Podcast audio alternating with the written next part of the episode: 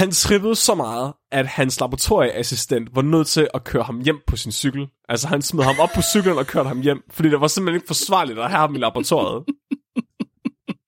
Ja, men det er forsvarligt at have på bagage. jeg elsker bare, at han, at han får den her oplevelse af at få en lille smule øjet, og så tænker han, jeg må hellere tage 250 mikrogram for at være helt Jeg- sikker på, at det virker.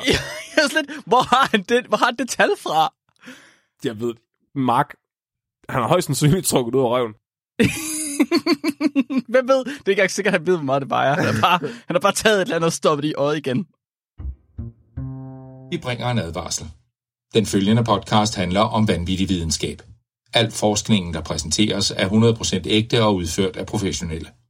Mark og Flemming står ikke til ansvar for eventuelle misforståelser, men minder jeg om, at de altid har ret. Husk at være dumme.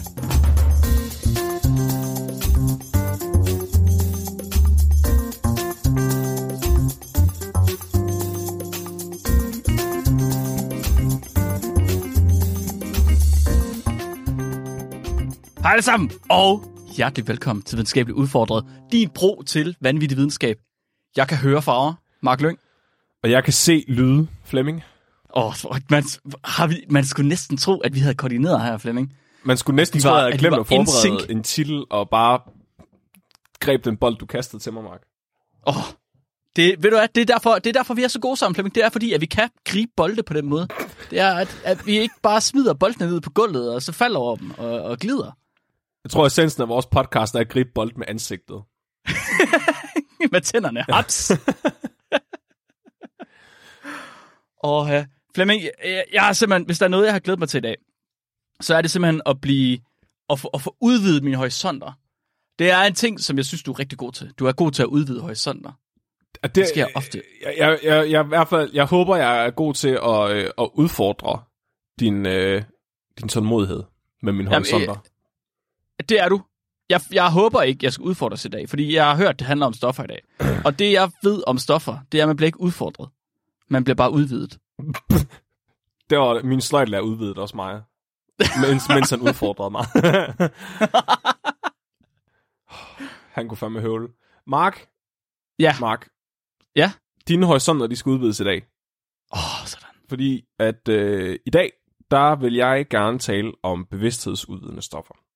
Og dets renaissance, fordi man taler meget om, at det er blevet moderne at forske i bevidsthedsudvidende stoffer igen, i forhold til dets brug i terapi og mod Okay. øh, øh, hvad kan man sige, depression og angst og andre øh, sindstilstande. Netop, Mhm. ja.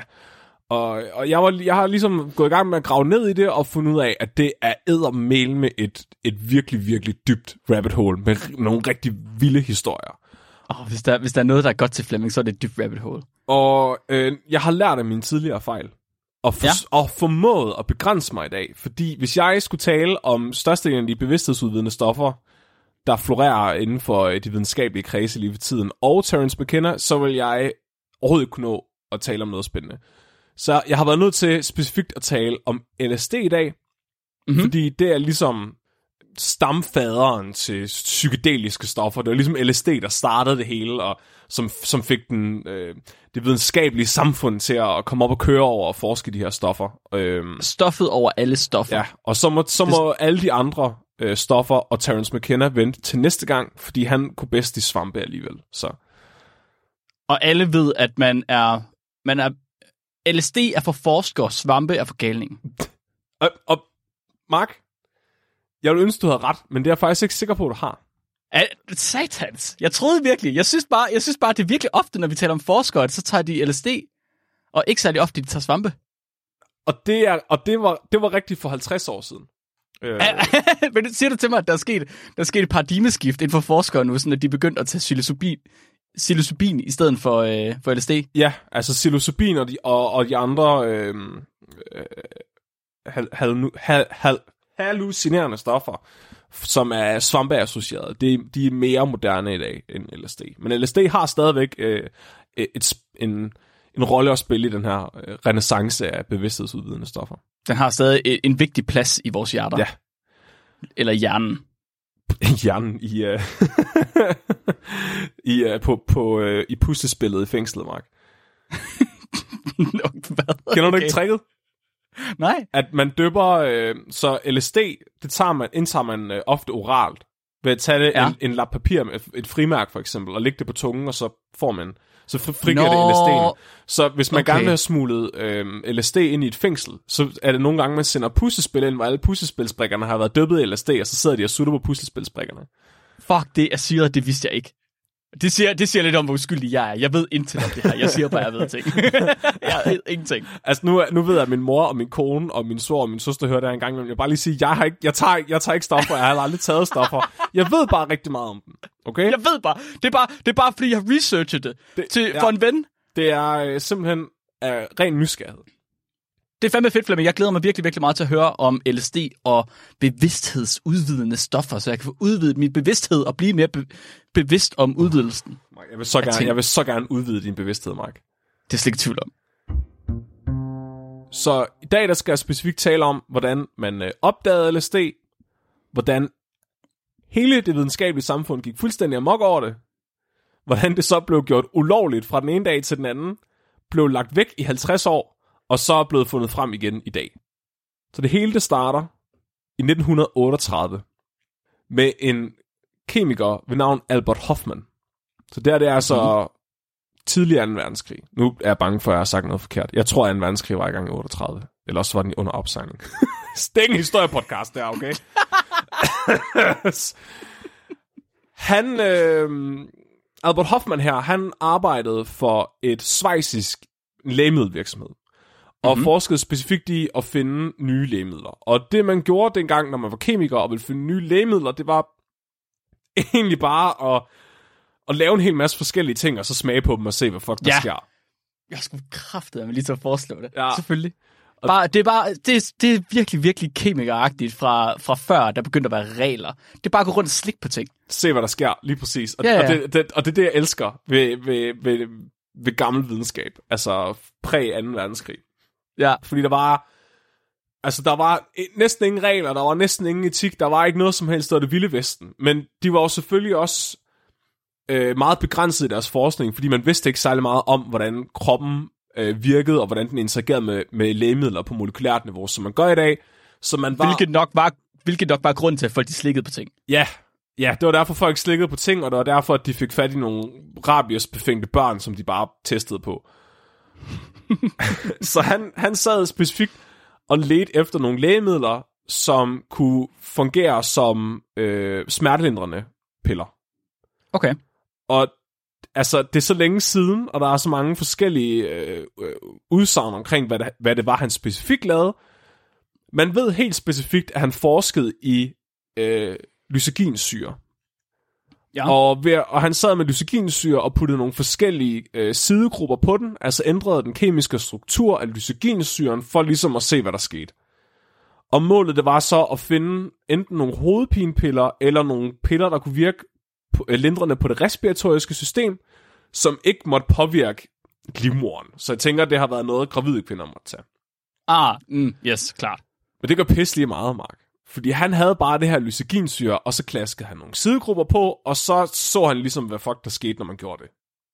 Og på et eller andet tidspunkt i den her proces, så når han til at lave lysergic acid diacetylamid.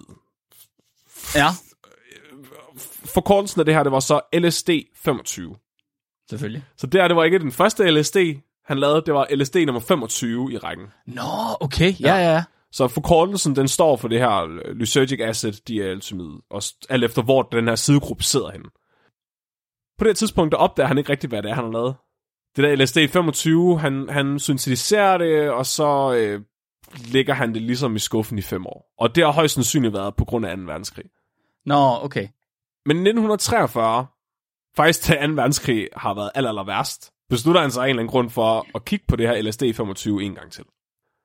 Og øh, der får han ved u- et uheld noget af det her LSD 25 på fingeren, Ups. og så klør han sig i øjet.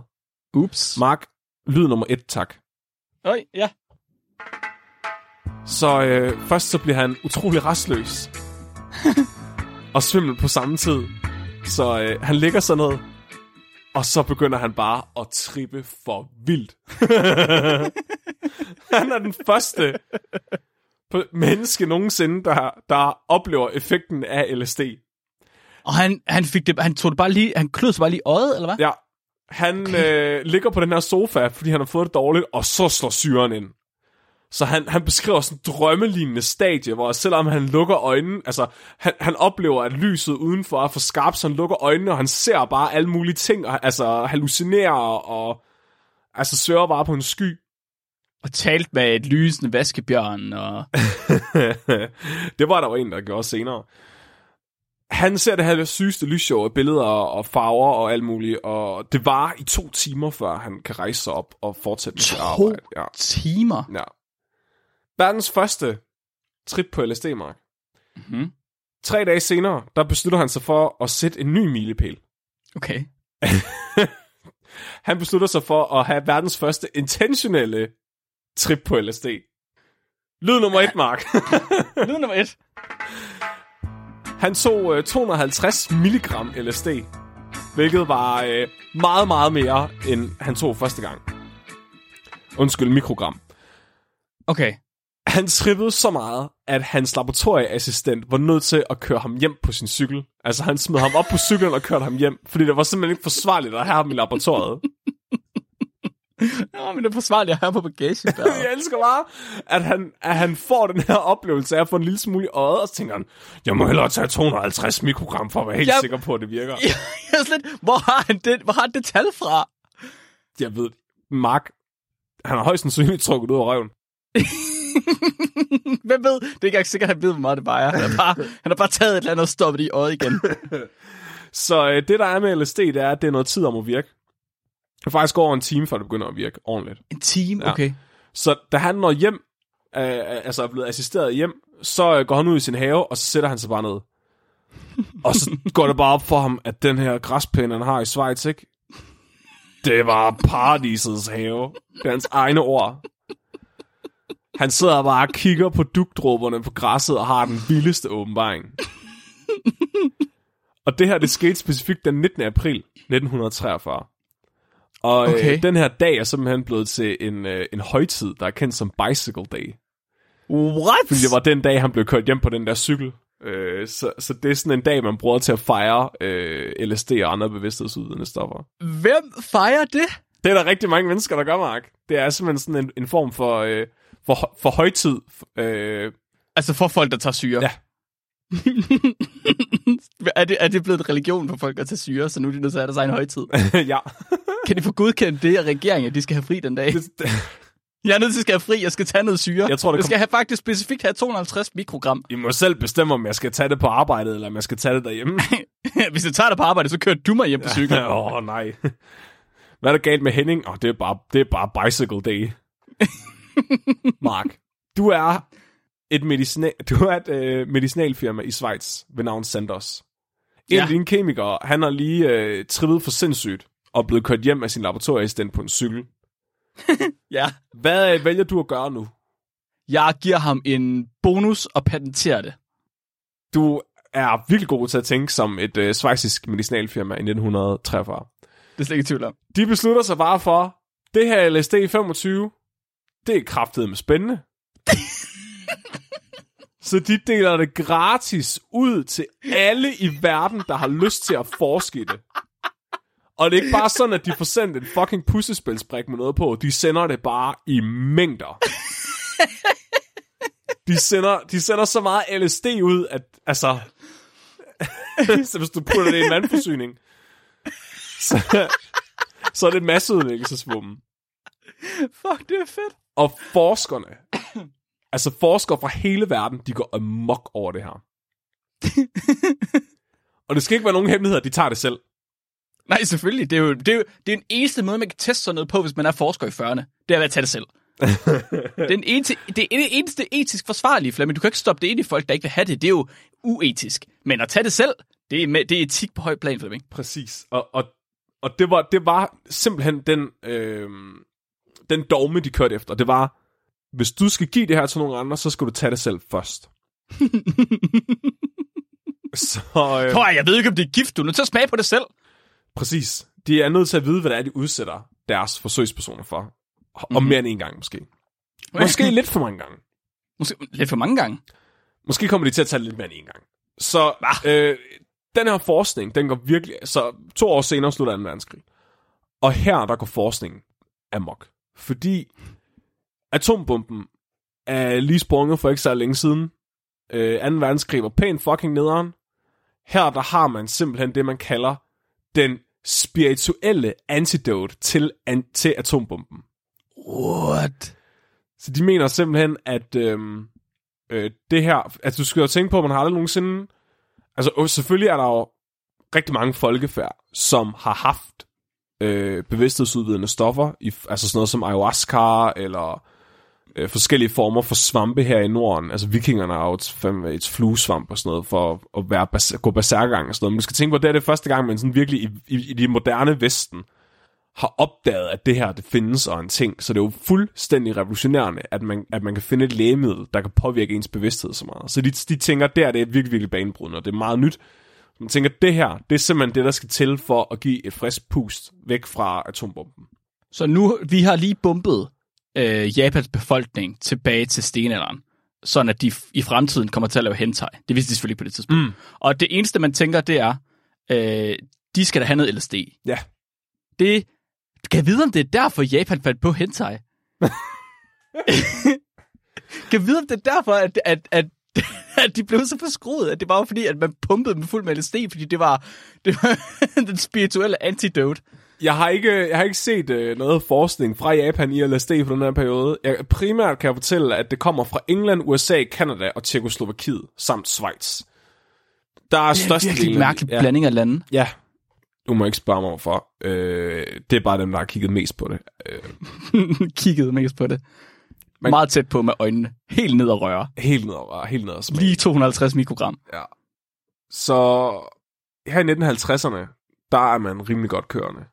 Man, har, man tester det på øh, alko, altså LSD's effekt på alkoholisme, på rygning, på stofmisbrug. Mm. Terapeuter og psykologer begynder at tage det, mens de har sessioner Ej, med, med deres patienter, for at se, om de Ej. bedre kan altså, have medfølelse med deres patienter. Åh oh, nej. De her forskere, de beskriver LSD-trips som værende, øh, at du oplever verden omkring dig transformere. Teksturer og farver på ting kan pludselig blive meget, meget vigtige og betydningsfulde. De opdager virkelig, hvor betydningsfuld og smuk verden omkring dem er. Altså, det er som at opdage verden på ny. Altså, der er mange af de her øh, gamle forskere, som meget beskriver det som værende den her barndoms undren, og hvordan alting er sindssygt betydningsfuldt som barn, det vender tilbage til dem. En af de her forskere, det er Dr. Humphrey Osmond fra Saskatchewan i Canada. Ja. Og han forsk- han, hans forskning var the shit inden for LSD-forskning i, i den første boom her. Så han forskede i det fra 1951 til 1960, der publicerede han en hel masse videnskabelige artikler i den for det. Uh, han arbejdede primært med skizofrene, fordi han mente, at de skizofrenes sindstilstand mindede om den, der blev induceret ved brugen af LSD. Okay, så okay, okay, okay. Så det var en naturlig form for, for LSD i kroppen. Ja, natu- hvad skal man sige? Så det han oplevede, det var, at når, når han tog LSD, så tillagde han nogle ting, man normalt ikke vil tillægge betydning, meget stor betydning. Og det var det samme, han så, at skizofren de gjorde. De, de skizofrene, han var i kontakt med, oplevede han det samme. Altså så hvis okay. han nu for eksempel havde en samtale med dem, kunne de lige pludselig altså, fixere på den stol, han sad på, eller et eller andet. At det var svært at, at finde ud af, hvad der ligesom var betydningsfuldt for dem. Så han brugte det rigtig meget til at prøve at, prøve at komme ind i hovedet på dem, altså sim- og, og arbejde med dem på den måde. Okay. Han studerede også øh, alkoholisme, øh, fordi det mente han, det var nemmere at kvantificere. Fordi dengang, altså det, man ved stadigvæk ikke særlig meget om skizofreni i dag, men dengang vidste man næsten ikke noget om det. Så for at have noget mere konkret forskning, der kunne kvantificere, så kiggede han også på alkoholikere, fordi det er rigtig, rigtig nemt at kvantificere, om en alkoholiker får det bedre, simpelthen ved at kigge på, om de bliver ædru. Mm, klart. Ja. Så hans øh, hypotese det var, at hvis han nu kunne give de her alkoholikere et virkelig, virkelig dårligt trip, så ville de stoppe med at drikke.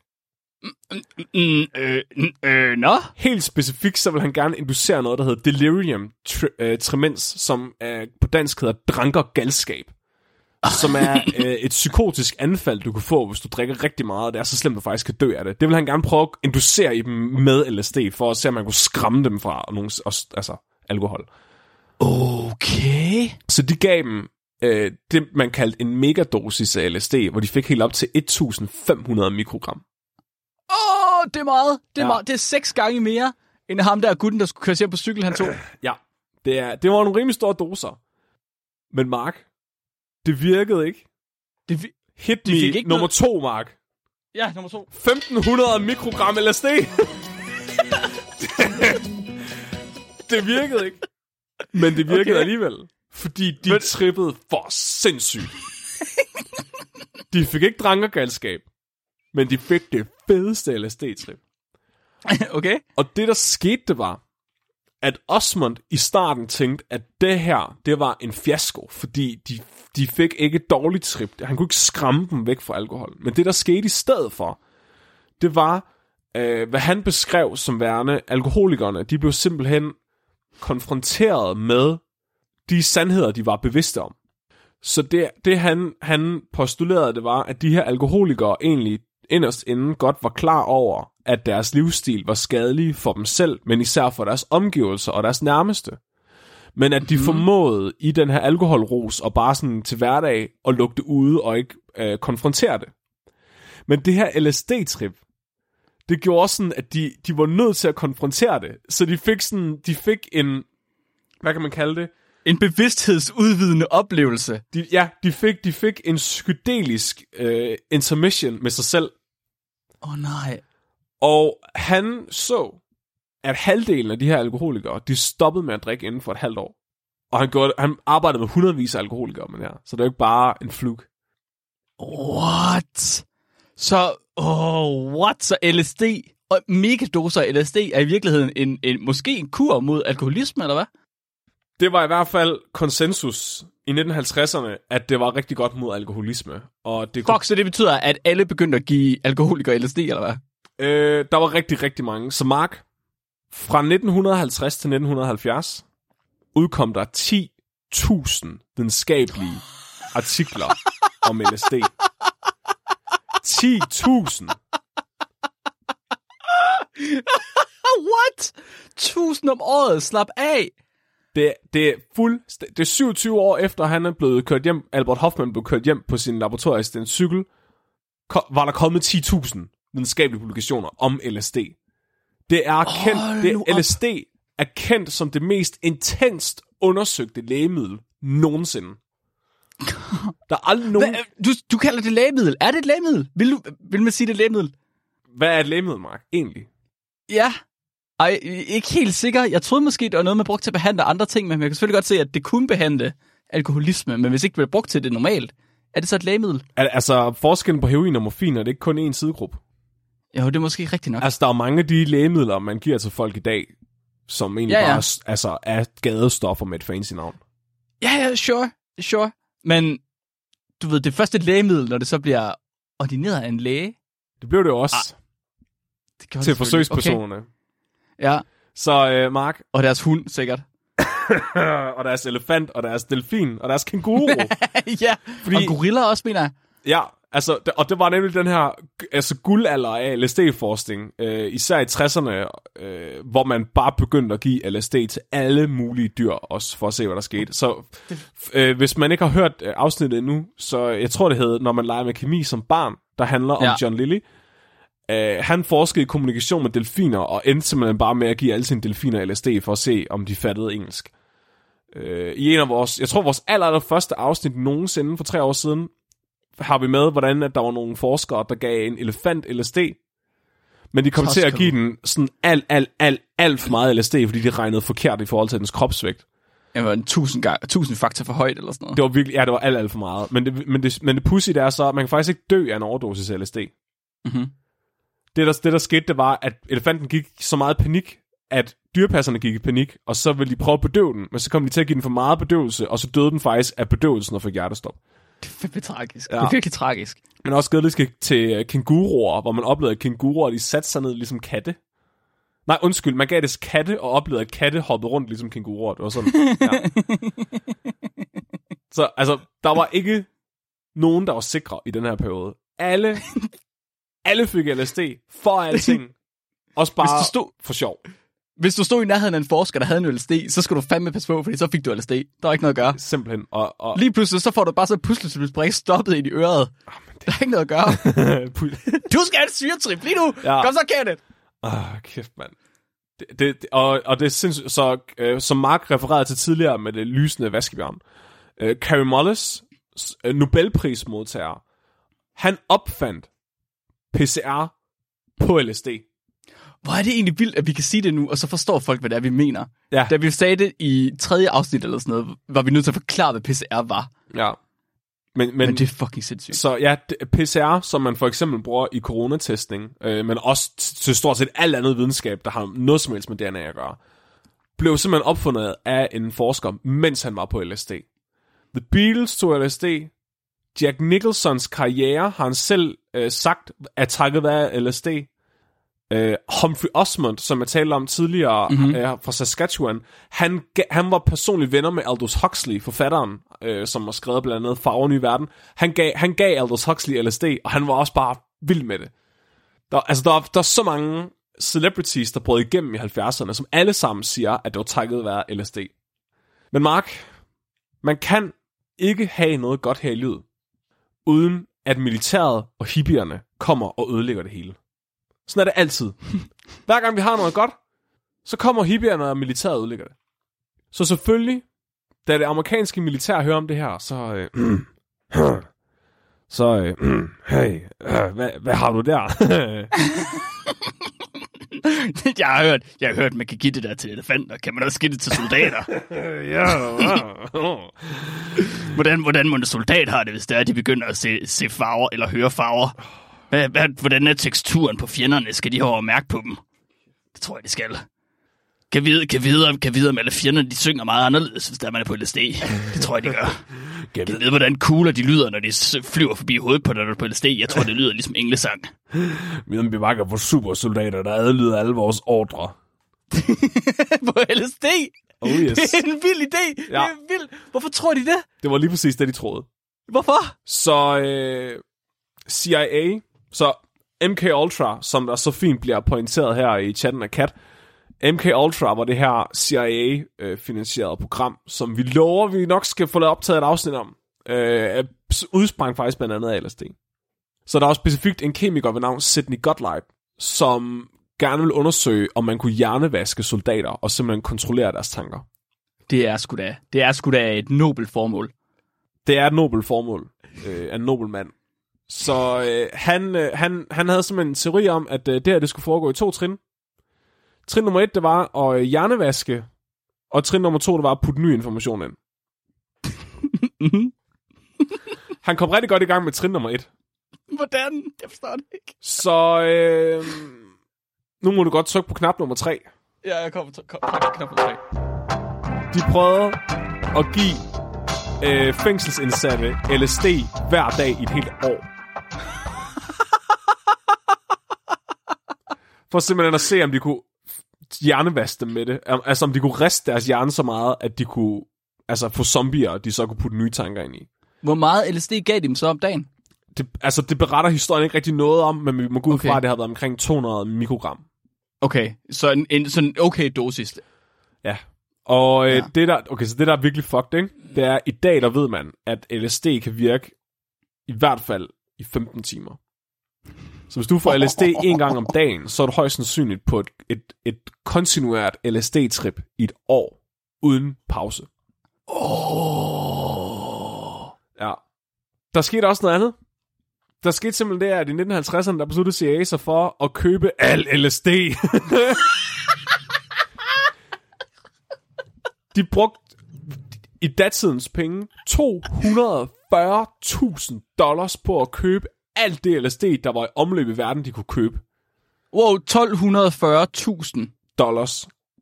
Som er virkelig, virkelig mange penge i nutidspenge. Er, øh, jeg kan, er det 12 millioner, eller er det 1,2 millioner? Det er et talmark.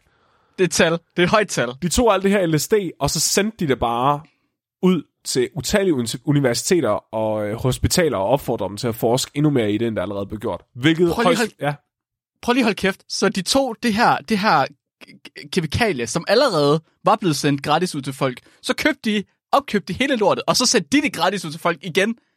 Så øh, ja, jeg tror, de prøvede... Jeg tror, de prøvede at øhm, streamline øh, flowet af LSD mere specifikt ud til forskerne. Og måske væk fra gadebilledet og privatbrug. Ved at opkøbe det fra andre kanaler. Ja. Okay. Det virker ret dumt. Men det, det var alt ved MK. Ultra var også ret dumt. Militæret var også utrolig interesseret i det her. Så at de forskede også i, om øh, man kunne give det til soldater, for simpelthen at få dem til at blive bedre soldater. Der var bare lige et problem, Mark. Ja. Fordi øh, når man gav øh, LSD til soldater, så øh, det første soldaterne fik lyst til, det var at forlade militæret. Ups. Yep, de blev lige konfronteret med, hvad, det, hvad de havde gang i, og hvor betydningsfuldt livet var, og så tænkte de, ah, den der Vietnamkrig der, den var måske egentlig ikke så vigtig alligevel. Fuck, okay, så uh, kuglernes, uh, kuglerne, der fløj forbi hovedet, det lød ikke ligesom engelsk-sang alligevel. Ja, Det var ikke det, vi ville have. nej, det var ikke det, de ville have. Øhm, Satans. så i stedet for prøvede man at vende den om, og så prøve at se, om man kunne give det til, øh, øh, altså spike øh, vandforsyningen i et helt område, for så at, at sørge for, at alle øh, fjendens soldater trippede på det, og man så bare kunne, altså uden konflikt kunne overtage det.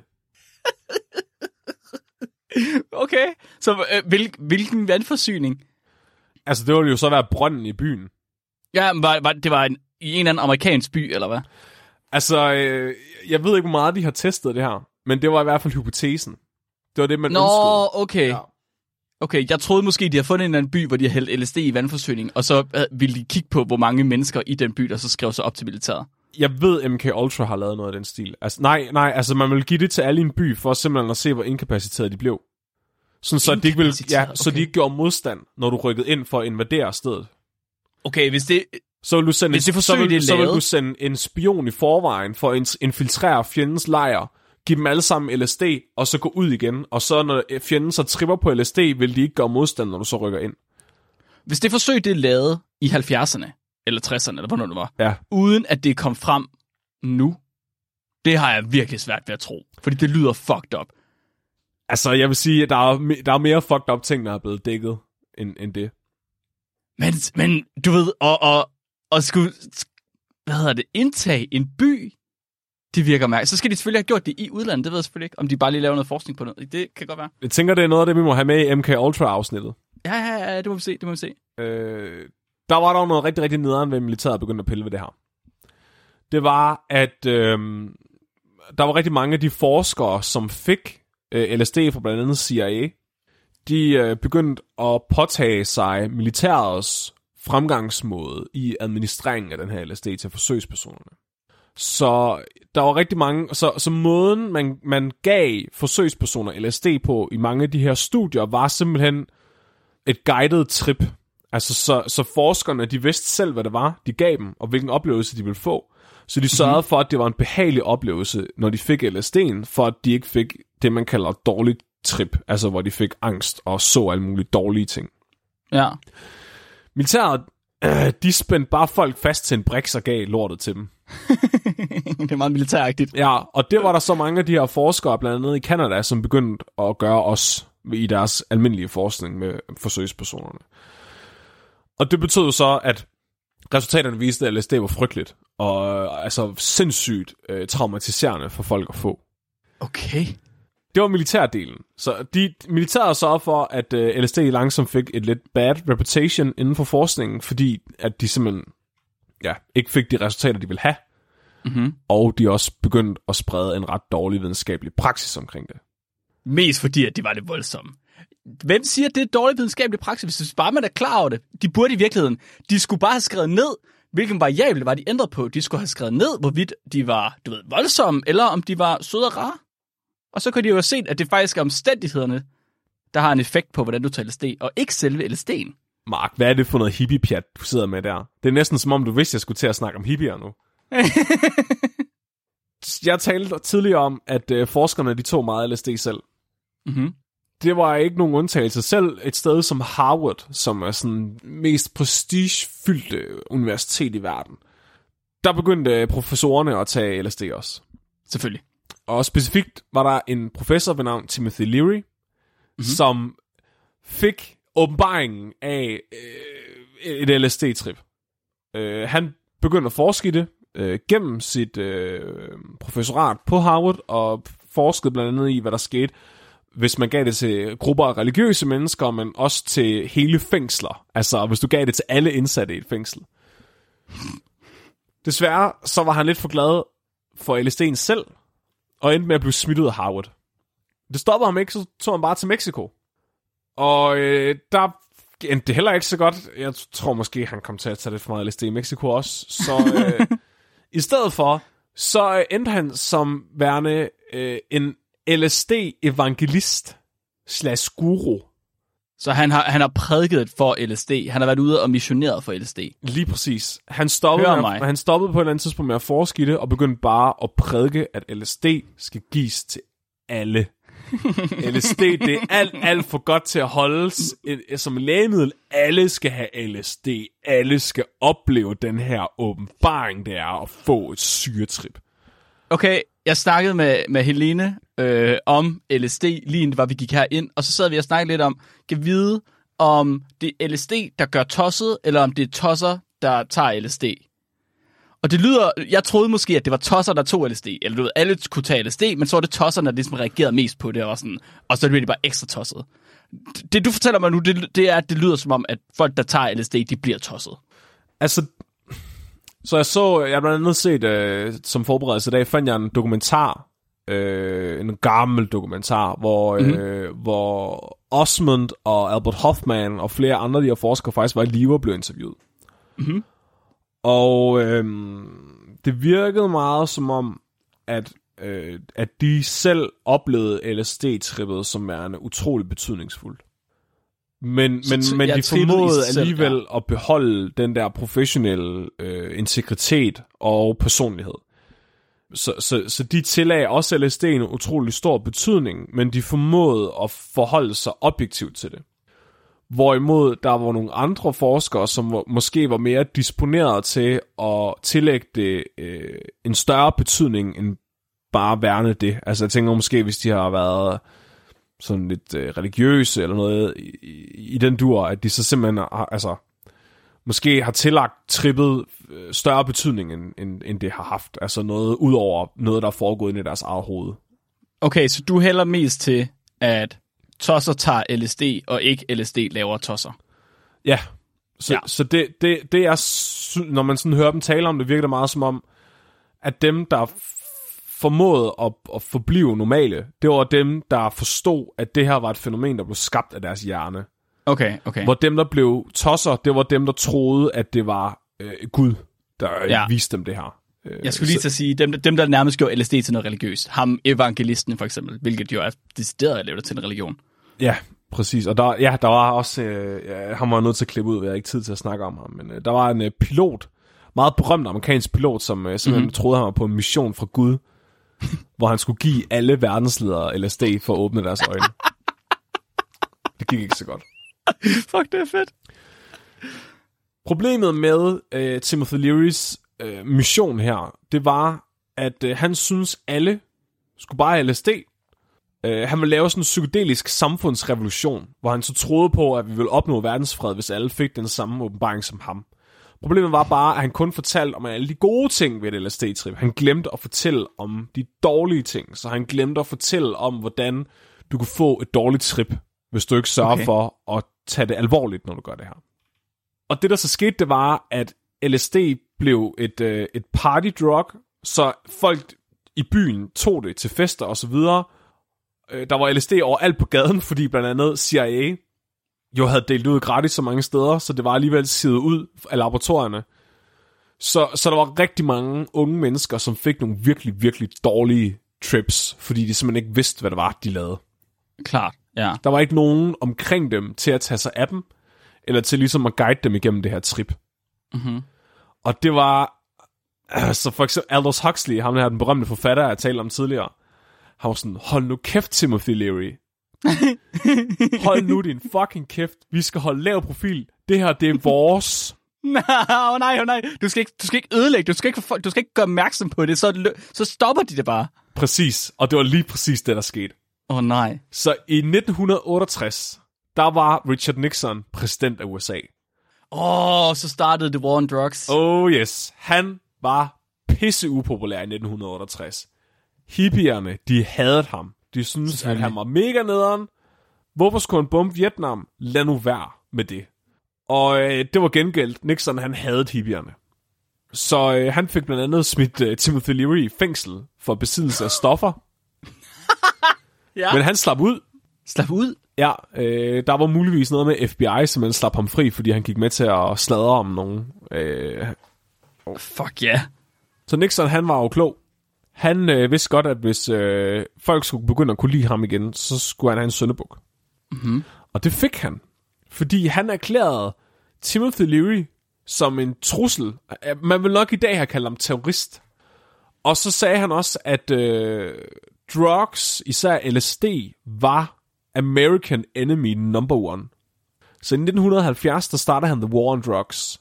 Sådan. Og han fik øh, vedtaget den her Controlled Substance Act, som handlede om, at stort set alle stoffer blev ulovlige. Især LSD. LSD var det, der blev kaldt øh, Schedule 1 st- øh, drug, så det var sådan en af de allermest ulovlige stoffer. Så fra den ene dag til den anden gik LSD fra at være overalt, og altså være forsket i af helvede til, være den mest intenst undersøgte lægemiddel nogensinde, til at forsvinde. Fuldkommen. Hvor er det mærkeligt. Det er så sindssygt. Hvad gjorde alle de forskere, der var på det? Så har de bare, så har de bare gået kold tyrker. Ja. De Det er, de sgu nok ikke gjort. jeg tror faktisk ikke, LSD er... Øh, jeg, altså nu må jeg, jeg, jeg håber fandme ikke, at jeg tager fejl, når jeg sidder og siger det her, men jeg tror faktisk ikke, at det er sådan afhængighedsdannende. Jeg tror bare, altså... Jo, jeg tror oplevelsen kan være det, men jeg tror ikke, der er noget ved selve stoffet, som gør, at du bliver afhængig af det. Ligesom for eksempel nikotin eller heroin. Ja, du tror ikke, der bliver udskilt hormoner, der simpelthen gør, at det bare bliver afhængighedsdannende? Mm, tr- altså det, det, jeg har ikke læst noget om det skulle. Jeg har ikke stødt på noget, der indikerer det. Hm, det ved det ikke nok om. Nej, nej, nej, altså, der er jo fandme mange faktorer, der spiller ind med afhængighed, men sådan rent kemisk, så mener jeg faktisk ikke, der er... At, Nej, okay. Ja, ja, ja, ja, ja. Så øh, det blev fuldstændig umuligt for forskere at forske LSD nu. Fuck. Altså, der, der står faktisk specifikt af LSD, at man ikke har nogen, det ikke har nogen potentielle anvendelser som lægemiddel overhovedet. Basta. Og det er fuldstændig kun baseret på Nixons egen mening. Overhovedet ikke baseret på de 10.000 forskningsartikler, der var. Hvor er det sindssygt. Ja. Så det forsvandt fra laboratorierne og ind på gaderne. Så alle hippierne, de fortsatte med at tage det, men forskerne, de var nødt til at stoppe. Og i 1973, så kort tid efter den her War on Drugs, så kunne ham her, øh, øh, Gottlieb, kemikeren for MK Ultra, han kunne godt se, at øh, det begyndte at tegne lidt sort for deres projekt. Så da hans chef blev fyret, så øh, skyndte han sig at brænde øh, al hans data for MK Ultra. Okay. Så det er simpelthen en af grundene til, at man ikke ved særlig meget om, hvad der er foregået øh, med det her CIA-projekt, hvor man gav LSD til soldater og sådan noget, og oh, prøvede hjernevask. shit. øh, Fordi han, han simpelthen brændte hele lortet i 1973. Fuck noget lort. Så det er information, man har om hans forskning. Det er simpelthen kommet af, at der måske er nogen, der har haft nogle dokumenter liggende uden for laboratoriet. Heldigvis. Eller nogen, der måske har kendt til ham eller sådan noget. Ja. Shit. Så stoppede det, Mark. 1970. Der var, nogen, der, trykkede, der var nogen, der trykkede på en knap, så stoppede man bare med at forske det. Fuldstændig. Fuck, han har ødelagt ma- mange karriere. Nixon. Det, altså, det er helt uforståeligt. 10.000 forskningsartikler på 10 år. Det er jo fuldstændig sindssygt. Det, altså, what? Det kan man ikke bare stoppe. Det, altså, også bare, var det godt Nixon, der stoppede guldstandarden? Altså, det var fucking hans skyld, at øh, vores økonomi, den går helvede til lige om lidt. Jo, men var han ikke bare sådan lidt en Trump i øh, 60'erne? Det er sådan, jeg for, har forstået ham. Og et værre. Han Okay, været værre. Ja, det, igen, ja, det ved jeg ikke noget om. Jeg siger bare, 80% af alle amerikanske dollars, der er omløb lige nu, de er blevet printet under coronavirus. What? Kun fordi Nixon, han stoppede med at bruge guldstandarden, og sådan noget, det kan ske. Bare vent, Mark. Du kan lige så godt investere alle dine penge i jord på Tåsinge, for lige om lidt, så er de ikke engang... Fucking konspirationsteoretiker, Flemming.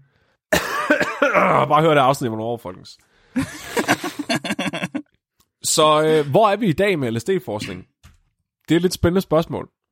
Vi kan ikke være længere. De har jo stoppet det i 70'erne. Der kan ikke være mere forskning. Så øh, som jeg startede med at sige øh, i det her afsnit, det var, at, at øh, psykedeliske stoffer er begyndt at få en renaissance. Mm-hmm. Så man er begyndt at kigge lidt på det igen. Specifikt, specifikt så var der et øh, studie, øh, som blev øh, som fik grønt lys i Schweiz for nogle år siden, Okay. som simpelthen ligesom trykkede hul på bylden, som gjorde, at man begyndte at blive interesseret i at undersøge det her igen. Så det var sådan en pilotstudie, hvor, man, hvor den svejsiske regering gav dem lov til at give LSD til nogle forsøgspersoner for at se, hvad der skete. Og uh. det, det har ligesom ledt til, at flere og flere har fået lov til at forske i bevidsthedsudvidende stoffer og det terapeutiske brug. Ja. Men det er stadigvæk primært privatfinansieret. Så der er nogle studier øh, fra nyere tid, som har prøvet at samle op på det her shit show, og det er virkelig sjovt at læse om. Så en af de ting, du måske har bidt mærke i, og lytterne derude har bidt mærke i, det er, at mange af de her studier, jeg har beskrevet, de virker som om, de var lidt løse i det. Nej, det, nej, nej, nej. nej. Øh. Ikke mega videnskabeligt måske. Jo, masser af struktur. En Mås- klar hypotese. Måske har de her forskere tilbage i 50'erne og op til 70'erne taget lidt for meget gratis LSD, mens de forskede. Bah. Mark, jeg fandt et review, Ja. øh, som simpelthen er en gennemgang af, øh, hvad siger forskningslitteraturen. Altså det er sådan ligesom, når man har forsket rigtig meget et eller andet på et tidspunkt, så er al informationen spredt ud over hundredvis af videnskabelige artikler, og så er der en eller anden psykopat, der sætter sig ned og siger, jeg læser dem alle sammen, og så skriver jeg et review. Altså som, som sammenfatter al den viden, øh, så andre forskere ikke behøver at læse dem alle sammen. ja. Det er sådan noget, Mark han har lavet. Det er virkelig psykopatisk. Ja. Og jeg gjorde det ikke engang særlig godt. Altså, der er mange folk, der gør det meget, meget værre. Mark, hvor mange, øh, hvor mange videnskabelige artikler havde I med i jeres review? Kan du huske det? Nej, 130, tror jeg. Ja, okay, så jeg, jeg læste 130 videnskabelige artikler, og så ligesom sammenfattet sådan et... Altså, lidt, det er lidt ligesom en, øh, en lærebog til forskere om, hvor forskning er. Kan man sige mm-hmm. det? Mhm. Hvad hvis jeg fortæller dig, at der er nogen, der har læst... Okay, ikke læst helt igennem, men de har sammenfattet 3.670 studier om LSD. Hvad?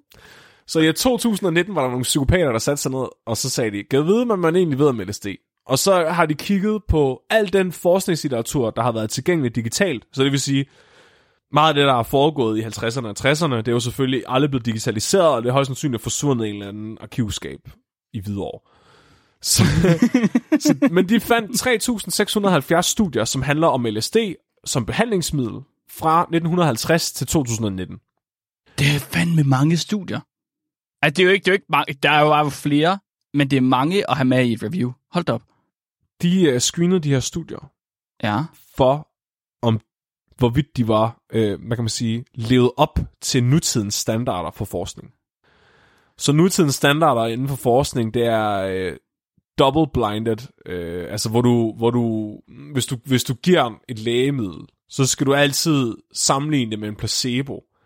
Men du, hverken dig som forsker eller patienten må vide, hvad der er hvad, hvad der er placebo og hvad der er lægemidlet. Og så. Klart, Altså ja. sådan alle de her praksiser, og, og også om der er blevet lavet statistik på det, er der blevet lavet nogle p-værdier, er der nogle ANOVA-tester, er der nogle af alle de her seje ting, som gør, at, altså, at det ikke bare er farvet af din mening, men at det rent faktisk er faktuelt korrekt, det du siger. Altså, øh, har de rent faktisk brugt den videnskabelige metode, som vi bruger den i dag?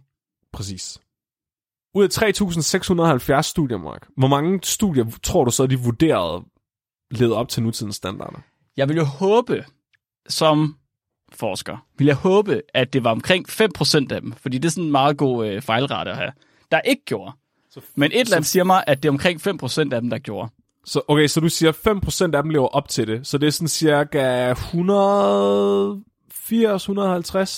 studier. Min matematikevner er alt for dårlig til at regne 5% ud lige med det samme. Jeg tror, det er 180, sådan cirka. Okay. Det siger vi, er. Øh, har du lyst til at trykke på knap nummer 1, Mark? Åh oh, nej. Ud af 3.670 videnskabelige studier med LSD, var der i alt 43, der led op til nutidens standarder for forskning. Det er lige over et procent. Yes. Men du skal tænke på, at de også har haft studier med fra nu, altså nyere tid, så helt op til 2019. Ej, er det sindssygt. Dem læste de så igennem. De 34 der, eller? Nej, 43. 43. Og så vurderede de, at 11 af dem havde interessante resultater.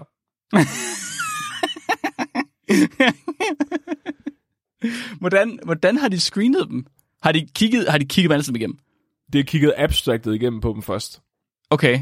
Og så har de kigget øh, metodeafsnittet i dem også for at se, om, hvordan de har udført øh, forsøgene. Og hvis der stod, vi gav LSD til en elefant for sjov, så, var den ikke, så fik den ikke lov til at komme med.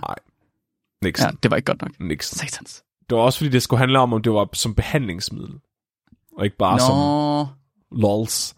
okay, ikke bare for lols. Nej, 10 af dem her, det var øh, nogle af dem fra den originale bølge, altså inden Nixon han øh, ødelagde hele festen.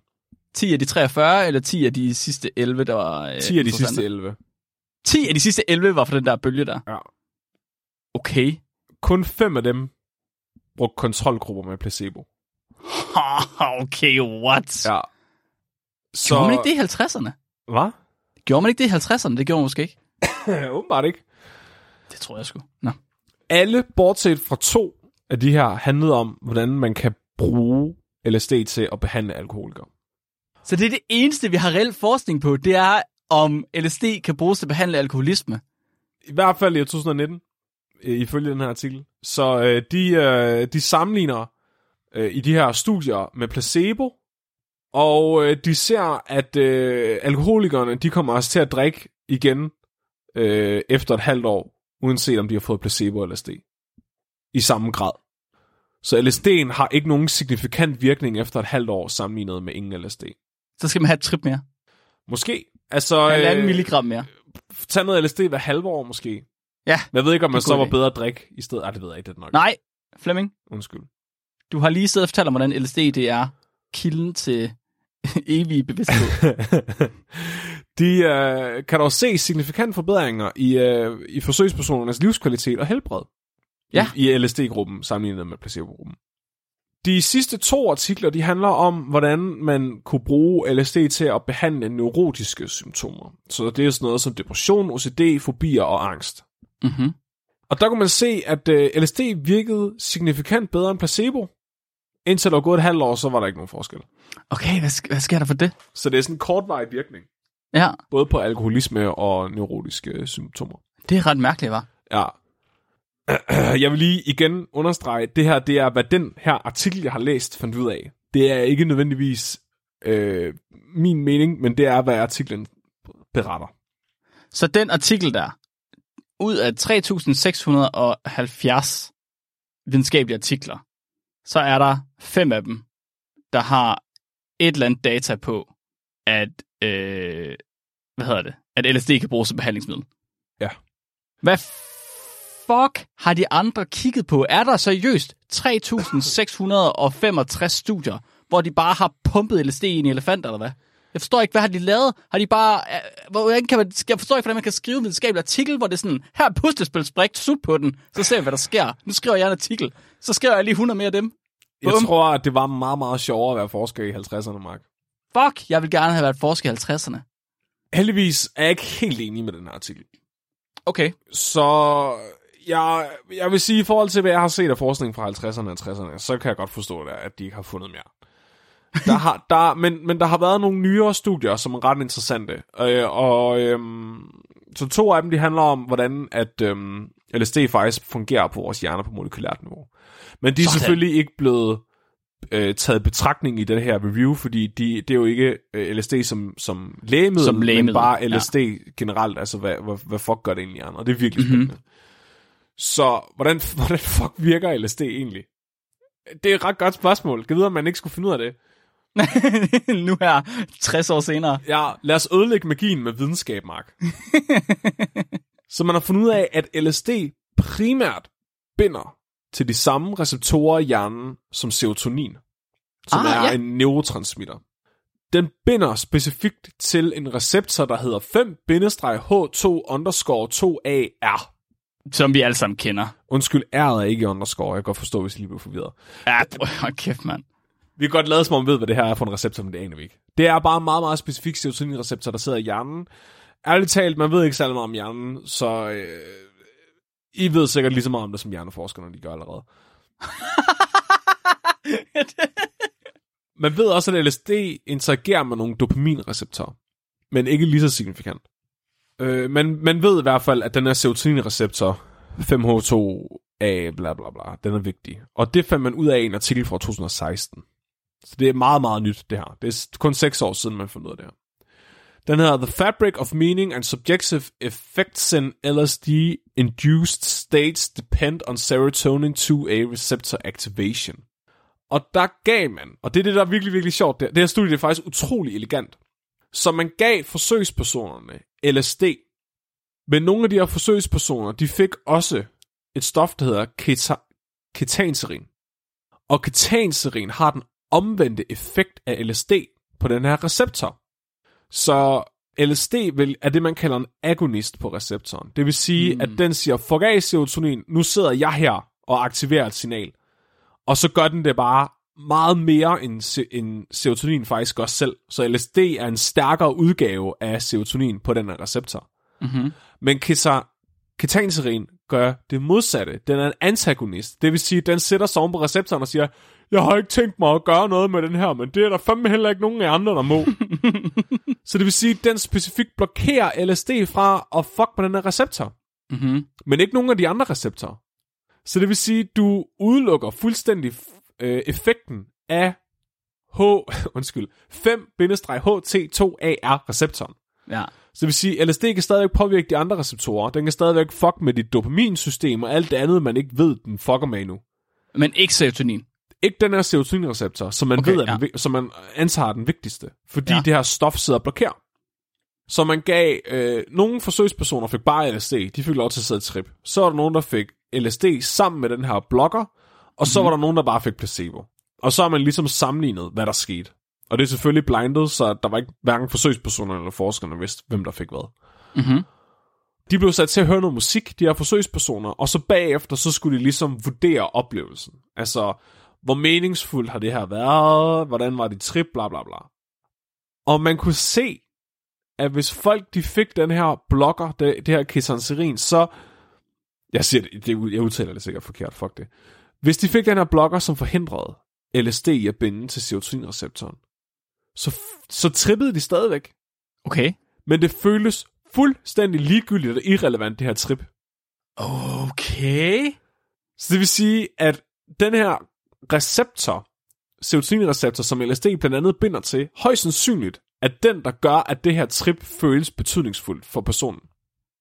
Så det, vil, okay, så det vil sige, at hvis man, man kunne i virkeligheden give LSD og blokkeren samtidig, og så vil man øh, have en mindre risiko, at folk de går evangelist. Ja, fordi, fordi det simpelthen, det er åbenbart bare så simpelt, som værende en receptor i din hjerne, der bliver trykket på, som fortæller dig, den der stol derovre, den har splinter Den i er- sig. Det der, er det er meget, meget vigtigt til at bare sige, den der stol, den har splinter. Det er sindssygt. Ja, så, så, så, med, så hvis du udelukker den her receptor, så er det ikke længere betydningsfuldt trip for personen. Det, det Ved man så, undskyld, ved man om det er betydning af trippet, eller om det er trippet i sig selv, som har, hvad skal man sige, behandlende virkning? Ja, altså så... Øhm, så det her med, at det, det føles betydningsfuldt, er faktisk en af de ting, man lægger vægt på, som værende en vigtig del af behandlingen i dag. Ja, det tænkte jeg nem- nemlig nok. Ja, så, så, så, så det, ja, det, er, det er nok højst sandsynligt det, der er vigtigt, og, og, og det, øh, det har jeg noget om lige om lidt. Okay. Det, jeg ved godt, det er forbudt at sige, men nu gør det, Mark. Det kommer. Det kommer, Mark. Vent lige lidt. Man scannede dem også med fMRI, for at se, hvilke dele af hjernen, der blev aktiveret. Og der kunne man se, øh, at de havde større blood oxygenation level dependent bolt signalering i venstre supplemental motor, og øh, bla bla bla. Et eller andet Hold op. Yes, der er også nogle fine billeder af, at hjernen den lyser. Sådan. Øh, de siger, at øh, det normalt er et hjernecenter, der er vigtigt for at øh, for eksempel tillægge det betydning, når du ser et familiemedlems ansigt. Ja, og så tilbage til det der med at tillægge betydning. Ja, så, så, hvis, så det er ligesom forskellen på at se et totalt tilfældigt ansigt på en person, du aldrig har mødt, og så se din mors ansigt, eller din Ja, storebrors ja, ja. ansigt. Man får for genkendelse, ja. Ja, din, så simpelthen, det her, det her system, som LSD aktiverer, er højst sandsynligt en del af, at du kan vurdere, om noget er vigtigt eller ej. ja. Og det er skide spændende det her, fordi det går full circle, fordi man mener, at den her receptor så spiller en rolle i skizofreni. Yes, jeg, skulle, jeg, var, jeg sad og tænkte på, om jeg skulle spørge om det. Men jeg tænkte nok, du havde tjekket det. Ja, så, øh, så en af hypoteserne, det er simpelthen, at, at skizofrene øh, i nogle tilfælde har svært ved at adskille, øh, hvornår noget information er ligegyldig versus hvornår det er betydningsfuldt. Og der tror man måske, at det her ketanserin, som er- virker som en blokker for den her pathway, som man kunne bruges som en behandlingsmetode, sådan så man bedre kan filtrere information. Og så, ja, Okay. hvis det giver mening. Men jeg, nej, ja, fordi hvis det fungerer som antagonist, og altid blokerer signalet, hvordan skal de så nogensinde kunne tillægge ting betydning? Det er jo så det andet. Måske bliver de bare super deprimeret i stedet for. Fordi, øh, ja, og det, og det, ja, det, depression er det næste punkt. okay, sådan.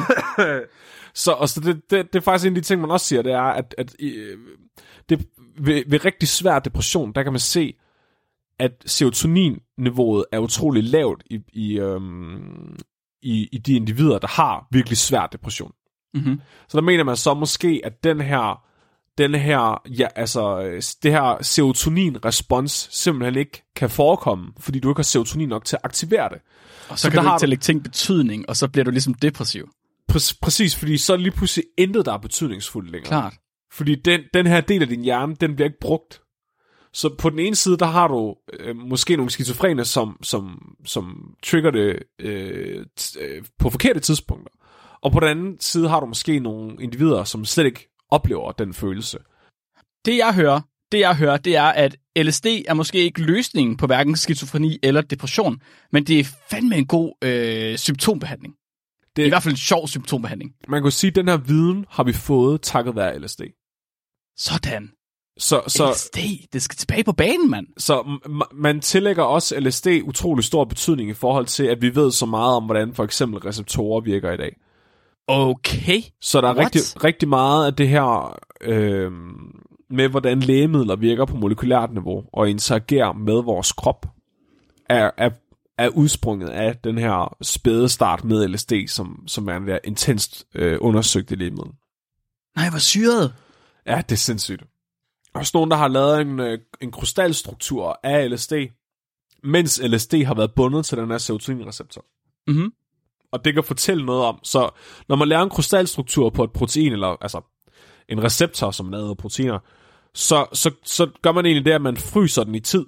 Så det, det er ligesom, øh, hvis nogen lærer den der i, i Dungeons and Dragons, du ved, iskrystal, iskrystal, frys! Det er fucking nørd. så, øh, så, så, så låser du receptoren i tid inde i en krystal. Det er ligesom hvis rav, hvis en myg bliver fanget i rav, mens den tør røv, så kan du for evigt se den her myg tør røv, og hvordan den gør. Det er det samme med receptoren, mens LSD er bundet til den. Hvis du krystalliserer den, mens LSD sidder fast på den, så kan du for evigt have det her billede af, hvordan det ser ud i 3D. Og der kan du så bruge nogle fucking sindssyge laser til at plukke den med, og så kan du få øh, simpelthen et, et super højt opløsningsbillede af, hvordan de sidder sammen, de her to, de bliver dutter. Man har fundet ud af, at den her øh, receptor, den binder simpelthen LSD stærkere end serotonin selv. Man kan også se, at øh, receptoren, den ligger låg oven, oven på LSD'en. Så LSD'en, så, så normalt det, der sker, når noget binder til en receptor, det er, at det, det, det hopper lige over og trykker på knappen, du ved, aktiverer, og så fiser den af igen og laver noget andet. Men den her receptor, den ligger låg oven på LSD'en, så LSD'en bliver siddende, og ikke bare fiser væk. Og bliver ved med at aktivere. Præcis, og det er derfor, at LSD-trip kan vare i 15 timer eller mere. Ah, okay. Fordi den bare bliver ved med at sidde og fortælle dig, at ting er betydningsfulde på grund af det her låg på receptoren. Den sidder, den sidder og visker i dit øre. Du skal virkelig, du skal lige tænke det med over den stol derovre. Tænk over den stol der. Den er godt nok meget brun.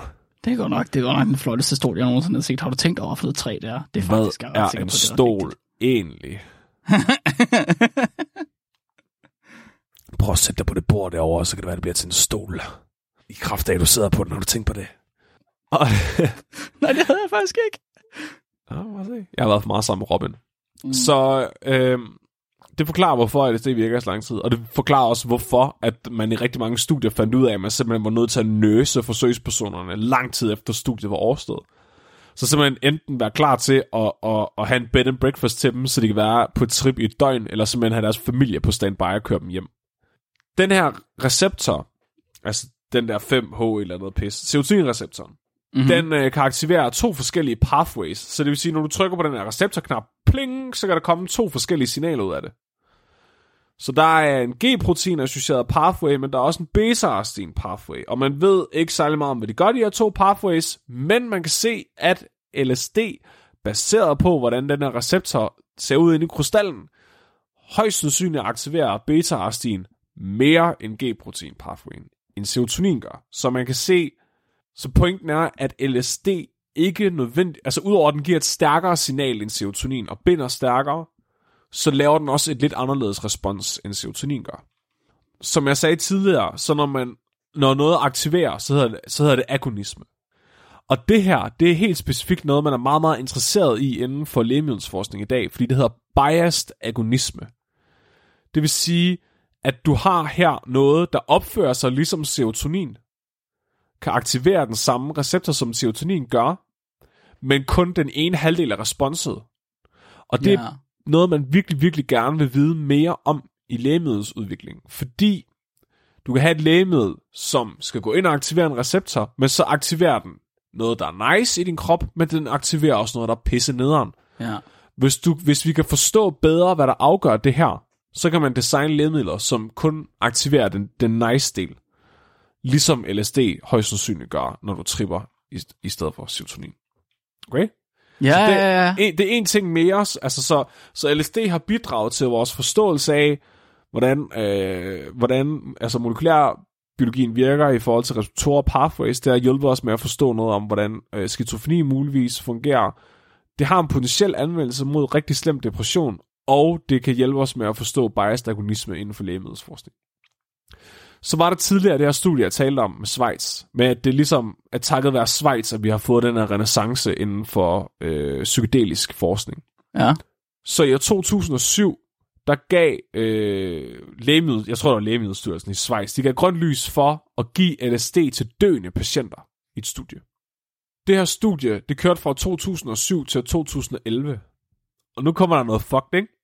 Så kan, helt, kan I huske 1938, kemikeren Albert Hoffman, der i 1900, altså i 1938 opdagede LSD, han var stadigvæk i live, da man startede det her studie. Nej, okay. I år what? 2007. Han var 101 år gammel, da det her studie startede. What? Okay. Og han hørte om det. Og han synes, det var the shit. Ja, han skulle fandme op og dø på noget LSD. Han kunne godt huske, da det var, han kom til at stikke sig selv i øjet med noget LSD. Det skulle han sat med have. Albert Hoffman var så mega ulykkelig over, at forskningen i LSD stoppede. Han synes, LSD var så nice, og ville virkelig gerne have, at man forskede noget mere i det, og fandt en anvendelse af det. Han var så stolt af, at han havde opdaget det her, og han, han glædede sig ligesom at se, altså glædede sig til at se, hvad hans arbejde ligesom kunne give verden. Og han fik lov til lige at få en forsmag på den her renaissance, ikke? Han så, han, han døde året efter det her studie startede. Så han, nåede lige, altså han døde som 102-årig. Han nåede lige præcis at opleve, at renaissancen på LSD'en startede. Det her studie i Schweiz, som handler om at give terminale patienter LSD, blev, hedder LSD Assisted Psychotherapy for Anxiety. Så man fandt 12 døende patienter, som havde utrolig meget angst omkring det at skulle dø. Og så gav man dem nogle øh, psykoterapi-sessioner, først uden LSD, men så bagefter gav man dem LSD, mens de var på de her sessioner. Okay, så de blev simpelthen behandlet samtidig med, at de fik LSD. Ja. Så de havde i virkeligheden en psykoterapeut til at guide dem. Ja, de blev guidet af, af en psykoterapeut. Og Ja. øh, de fik simpelthen to 8 timers lange psykoterapi-sessioner, mens de var på LSD. Åh, oh, damn. Ja, og de havde selvfølgelig en placebo-gruppe med. Ja. Så øh, halvdelen fik øh, 200 mikrogram LSD, hvilket var cirka det samme som Albert Hoffman han fik på Bicycle Day, og så resten de fik kun 20 mikrogram. Okay. Og det er simpelthen fordi, man har fundet ud af, at 20 mikrogram, det er lige præcis nok til, at du kan mærke det. Altså det er nok til, at du får et boss, men det er ikke nok til, at du oplever det, de kalder ego-nedbrydning. Altså hvor du begynder at tillægge ting utrolig meget betydning, og ikke længere har en følelse af selv. Okay, ego-nedbrydning, sådan. Ja. Samtlige af de her deltagere, de kunne korrekt gætte, om de havde fået placebo eller ej. Nå, det, det er sgu da lidt problematisk, er det ikke det? Måske. Altså det er et pilotstudie. Okay, Så de konkluderer ikke noget. De siger bare, prøv at se det her. Hvad med vi forsker noget mere i det? Dem, der fik LSD, altså 200 mikrogram, og trippede, de havde markant mindre angst efter øh, behandlingen, end dem, der ikke fik det. Og kunne dø med ro i sindet. Mere, end hvis de ikke havde fået LSD. fuck, det er syret. Ja, det, det Skal er, man så skal, skal man dø inden for et halvt år, for ikke at få angst igen så? det, det tænker jeg, at de har screenet dem for. Du har kun en uge tilbage, Mark. Du må godt være med. Ja, kommer nakkeskyder hvis at der går for lang tid. Så øh, det er egentlig der, at, øh, at jeg vil lægge den nu. Øh, der foregår stadigvæk rigtig meget forskning i det, i, inden for, øh, for LSD, øh, og, og, og den her renaissance er, er kun lige startet. det virker som om, at LSD er lovende i forhold til måske at bidrage til vores forståelse af, hvordan nogle dele af hjernen fungerer, som vi normalt ikke har adgang til at styre. Mm-hmm. Øh, og måske kan LSD bruges til at, at lade folk chille ud, inden de dør. Det virker ikke som om... Jo, depression vil jeg sige, det måske også ser ret lovende ud. Altså virkelig svært depression, hvor man måske vil give sådan noget som elektrochok-terapi eller et eller andet. Altså ligesom for at give øh, folk et boost, et betydningsboost. Men ellers, så, så var der faktisk, altså uh, ud af, altså i, i forhold til, at det er det mest intenst undersøgte lægemiddel nogensinde, så, så, øh, så er der faktisk ikke så meget mere til det end det. Så, så hvad, forventer, hvad forventer du, der vil ske inden for de næste 10-15 år? Jeg tror, at man bliver mere åben for at bruge bevidsthedsudvidende stoffer til terapeutisk behandling. Mhm. Det virker for mig bizart, at det er ulovligt. Altså jeg har meget den der holdning til, at folk må fandme selv bestemme, om de vil tage stoffer eller ej. Jeg kan forstå, hvis det er sådan noget som heroin, som bare fucking ødelægger dit liv. Mhm. Men når det er bare noget, altså, der får dig til at synes, at en stol er betydningsfuld, så kan jeg simpelthen ikke se problemet. Og jeg synes, det er ærgerligt, at der ikke bliver forsket med i det. Så jeg kan godt forestille mig, at det er tabu, som er kommet omkring det, vil lige så stille og roligt dø ud. Og jeg tror på, at, at, at man vil kunne finde en anvendelse. Jeg tror måske ikke nødvendigvis, LSD bliver lige præcis det bevidsthedsudvidende stof, man kommer til at bruge. Du snakker selv om, øh, hvad hedder det, psilocybin, Ja. øh, ser mere lovende ud, vil jeg sige. Aktiverer nogle andre pathways i hjernen. Jeg, jeg, vil, jeg vil sige, du har i hvert fald øh, ændret rigtig meget på min opfattelse. Du har udvidet min bevidsthed, Flemming. det skal der ikke nogen tvivl om. Du har ændret meget på min opfattelse, og på... Jeg tror, jeg, jeg havde en fornemmelse af, at LSD bare var, altså, fucker farligt. Jeg ved ikke hvorfor, om det er, fordi jeg er blevet hjernevasket som barn, eller hvad. Men jeg havde en fornemmelse af, at LSD var sådan en lille frimærke, du satte på øh, tungen, og så blev du bare mega syg og næsten døde af det. Det troede jeg også. Ja. Øh, jeg vil sige, jeg tror, der er en grund til, at øh, medicinstuderende er de studerende, der tager allerflest stoffer af alle studerende. Det er simpelthen, fordi de opdager... Jeg okay, jeg siger ikke, stoffer ikke er farlige, men jeg siger bare, at nogle stoffer er måske ikke så farlige, som man tror. Ja. Jeg, var, jeg havde i hvert fald overhovedet ikke regnet med, at der var så meget, både så meget forskning inden for det, og at LSD kunne fortælle os så meget, og at det havde fortalt os så meget. Det var, det var det er vildt overrasket over. Ja. Det er mega spændende. Det er ret spændende. Ikke, for, hey, lytter og folk derude, I skal ikke til stoffer, lad være med det. Fleming siger nej, Richard Nixon siger nej. Men hvis der kommer en, forsker, der vil give stoffer, så siger jeg fandme ja for videnskab. Okay, men jeg skulle lige, jeg skulle lige til at spørge Flemming. Hvis nu du blev tilbudt syre, Ja. vil du prøve? Ja, for helvede, mand. Det vil jeg fandme også. det kan jeg fandme love dig for. Jeg skal fandme se, om den der vaskebørn det kan lyse.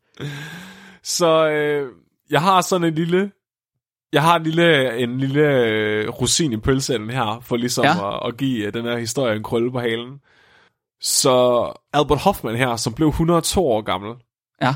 han, øh, udover at have skabt Bicycle Day, som man øh, højst sandsynligt har deltaget i man en gang, så fortsatte han resten af sit liv med at tage LSD i små doser. Ja. Og øh, han prøvede virkelig, virkelig, virkelig selv at finde en anvendelse af LSD til et eller andet. Hele sit liv. Okay.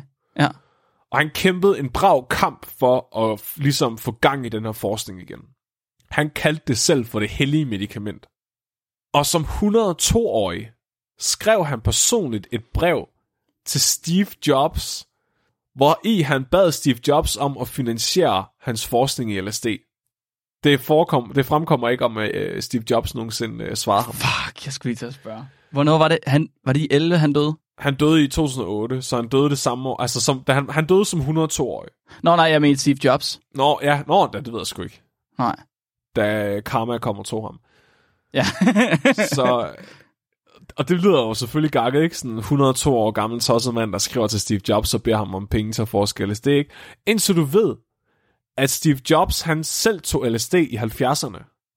Og at han mente, at LSD var grunden til hans succes, fordi Hold det kæft, ændrede måden, han var leder på. Hvor er det syret? Hvor mange af de store personer i verden i dag har ikke taget LSD? Øh, godt, alle dem, der er kommet til inden for de sidste 20 år, Mark. Ja, ja højst sandsynligt. De har så taget coke i stedet for. Alle dem, der har været unge i 70'erne har, og 60'erne har højst. Har højst sandsynligt taget LSD. Ja. Så alle de gode. Kan vide, om vores forældre har taget LSD? Det har jeg faktisk aldrig spurgt mine om. Har min, jeg ved, det er et godt spørgsmål. Ej, min far, han har fandme ikke. Nej, det ved jeg sgu ikke. Det var sådan nogle bunderøver. Ja, nej, det tror jeg ikke. Det er ikke sikkert, at det overhovedet kom helt derud. Det er jeg nødt til at spørge om. Jeg er nødt til at spørge, om MK Ultra nogensinde har sendt LSD til Vildbjerg. Og apropos, øh, der var faktisk flere deltagerne i MK Ultra, som også senere blev berømte forfattere og filminstruktører. Jeg ser, jeg ser en sammenhæng her. Jeg ser en korrelation, Flemming. I skal ikke tage. Hold- I skal ikke lytte til os. Lad nu være. I skal ikke... Køb- Lad, I don't do it. Køb noget syre. Køb noget syre. Tag noget syre. Hør på Richard Nixon. Vietnamkrigen var fornuftig. Stoffer er farlige. Fleming over and out. Shit. Sindssyg historie. Kæft, mand. Jeg kan godt en lille bitte smule. Jeg, kan, jeg kendte kun lige til uh, William Hoffman. Og, øh, Albert Hoffman. Albert Hoffman, sorry. Og det, at han havde taget LSD. Det var basically det eneste, jeg vidste om det her. Det er for mig, jeg synes, det er en meget wholesome historie. Kæft, jeg har lært meget. Det er virkelig, virkelig, virkelig fedt, Flemming. Sindssygt fedt. Skal vi have et lytterspørgsmål? Ja, tak. Okay. Dagens lytterspørgsmål, det er sendt ind af Birgittes søn. Og øh, Birgittes søn, han har skrevet ind, og så har han spurgt, hvor lav en IQ kan man have og stadig trække vejret? Og det synes jeg var masser af relevant til LSD, øh, indtil jeg fandt ud af, at LSD i virkeligheden ikke du ved, ødelægger hjernen eller noget.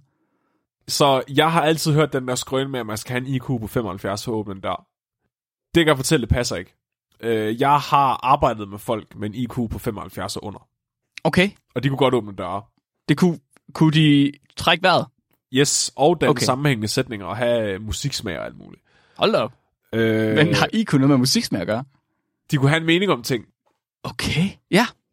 Jeg tror, når man når ned i så lave øh, tal, øh, begynder, øh, begynder der også andre ting, der handler. Øh, jeg tror nødvendigvis ikke, der er nogen korrelation med at trække vejret og ens øh, intelligens. Fordi selv hvis du er en grøntsag og ikke har nogen øh, sådan kognitiv aktivitet op i din hjerne, altså du slet ikke tænker, så trækker du stadigvæk vejret. Så at trække vejret er for instinktivt til, at det kan have noget med ens intelligens at gøre. Ja, hvad hedder, hvad det, det hedder? Det autonome nervesystem. Fuck, Mark, det er så længe siden, jeg har haft anatomi. Jeg har aldrig haft det. Det kører på autopilot. Lige indtil du tænker på at trække vejret, så stopper du. Hvis nu, okay, så hvad nu, hvis nu, at du tænker på at trække vejret, bliver du så dårligere til at trække vejret, des dummere du er? Ja, så det der kunne være problemet, ikke, det var, hvis du nu er så, hvis du nu er uintelligent nok til ikke at forstå, at nogen spørger dig, om du er bevidst om, du trækker vejret, så kan du overleve det. ja, ja, Så ja, hvis du virkelig, virkelig, virkelig, hvis, du er, hvis din IQ er så lav, at du ikke kan forstå noget som helst, så kan du overleve og trække vejret. Men hvis du Ja. lige præcis, hvis du lige præcis Der er en ramme at på den 5 der- IQ-point. Ja, hvor du lige præcis er, at din IQ er så lav, at du ikke selv kan finde ud af at trække vejret, men du er alligevel IQ nok til at forstå, spørger dig, om du trækker vejret. Fordi så stopper du med at gøre det automatisk, men du kan ikke finde ud af ikke at gøre det automatisk, og så dør du. Så, okay, så der er lige en, et vindue på 5 point, hvor det er, at du dør, hvis der er nogen, der spørger dig, om du, trækker, om, om du ved, at du trækker vejret. Det tror jeg. Fuck, det kan... Men vil det så også sige, at det går den modsatte vej? Vil det sige, at des, des højere IQ du har, des bedre er du til at trække vejret, når nogen spørger dig, om du trækker vejret? Uh. Så kan, Kan du aldrig blive- nogensinde stoppe med at tænke på at trække vejret igen. Ah, så kører det ikke på det autonome nervesystem Så kører det bare, altså så kører det manuelt. Fordi du har så meget hjerneaktivitet, at du kan godt tænke på det her, samtidig med, at du laver andre ting. Men så falder din IQ med 5 point, fordi så skulle du bruge noget af din hjerne til at køre vejrtrækningen. Det er problematisk, og så er du lige pludselig ikke klog nok. Og så stiger din IQ igen, og ah, så bliver det sådan en... Det er ligesom, din computer Cirkel. kører langsommere, når du har 8 Chrome tabs kørende. Det er, det er præcis det samme. Ja. 100% det samme. Og nu må vi lige huske at understrege, at IQ nødvendigvis ikke korrelerer med intelligens. IQ, det fortæller bare om, hvor autistisk du er. Det, det siger Flemming øh, bare, det ja. siger Flemming bare, fordi der er et point mindre, end jeg har. Nej. Jeg siger... Gud. Nu sagde jeg også noget. Ja, nu, nu lød det som om, jeg sagde noget dårligt om autisme. Nu graver jeg mig selv ned i et hul her. Det gør jeg Åh, ikke. oh, Flemming. Måske du bare skal tige stille. Nej, jeg gør... Jo, okay, fint nok. Åh, skal vi ikke sige, det var svar til Birgittes søn? Jo. Tusind tak for spørgsmålet. I må endelig sende flere lytterspørgsmål ind til os. Det kan I gøre på øh, vores e-mail, vudfordret eller på Facebook, eller på Instagram, eller via Discord, hvis I er derinde. I sender den bare lige, hvor jeg har lyst til. Vi finder dem. Good. Så skal vi have scoret sidste uges afsnit, Flemming, på Gargometeret. Ja. Sidste uges afsnit, afsnit 59, hvordan at man kan vinde Masterchef med videnskab, den fik en samlet score på 75, som faktisk var sådan rimelig bredt fordelt ud over det hele. Blandt andet meget på videnskabelighed og på tænkefaktor. Flemming han har tænkt rigtig, rigtig meget over det her. Jeg sidder stadig og tænker over det. Jeg kan ikke, lide, øhm, jeg kan ikke lide, når min verdenssyn bliver udfordret. Det gør ondt på ham. Jeg ved, bare, jeg ved bare, at jeg er virkelig meget underlagt alle de der effekter af, om mad er godt eller ej. Altså, jeg er virkelig sådan en person, hvis jeg får en tung tallerken, så jeg kan sikkert bedre lide maden. det er jeg faktisk slet ikke tvivl om. Og jeg kan ikke lide, jeg kan ikke lide at det er rigtigt om mig. Fordi efter, nu er jeg bevidst om det. Ja, okay, men du, vil stadig, du bliver stadig snydt, selvom du er bevidst om det. Ja, ja. Ja. Jamen, jeg kan, jeg, kan tydeligt, jeg kan tydeligt nu tænke tilbage på, at jeg har været på et eller andet kro eller sådan noget restaurant, og så taget en tallerken op i buffeten, du ved, sådan en lun tallerken, og lige har været inde i ovnen, og så er den bare mega tung, og så tænkte jeg, mm, nu skal jeg smovse. Ikke? Og, og, så tænker man på de gange, hvor man har været til en eller anden fællesspisning, og så får man sådan en paptallerken, og så tænker man, øh, Ja, det er fuldstændig rigtigt. Jeg tror virkelig, du har ret. åh, jeg kan, åh, Mark, og nu ved jeg det. Hvordan er det, jeg har levet mit liv? Ja, kan du holde til det? Nej, Så øhm, 75 point, det er lige så meget som afsnit 26, ligegyldig videnskabelig gennembrud, hvor øh, Alexander fra Vanvittig Verdenshistorie, han skrev ind og ville høre lidt om Brazil-nut-effekten, eller mysli-effekten, som vi fik den omdøbt til. ja, hvor, hvor- hvorfor mysli sorterer sig selv. Ja, og, og du Hvorfor snakkede om, hvordan at øh, cheddar, det smelter ved en eller anden bestemt temperatur. Ja, terminal velocity for cheddar. Det er sådan, det var. Ja, Det var faktisk et virkelig sjovt afsnit. jeg er sikker på, at 26. mysli-effekten, det er bare øh, bror salsa, der kommer om natten. og sorterer din mysli. Jeg tror ikke på det. At alle, alle de store nødder, de skal være på toppen, fordi ellers er det ikke ligesom Mount Everest. Jeg sorterer mysli. Hold kæft, mand. Alright. Næste uges afsnit, det øh, er mig, der skal fortælle en historie, og jeg skal fortælle jer en historie om en kvinde, der blev gravid og fødte en baby uden at have en skede. Er det forkert, at jeg godt kender lidt til den historie allerede? Kender du til den? Ja, men jeg kun kort.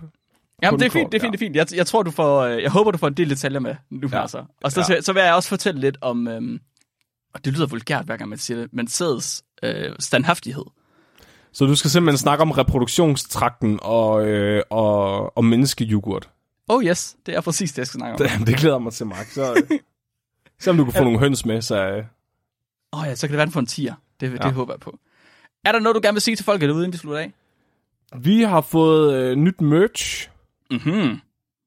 det vil jeg endnu en gang gerne øh, slå et slag for, at jeg synes faktisk virkelig, at det, det er noget, jeg selv har lyst til at gå med. Det er fucking sejt. Det er en gal videnskabssøgen.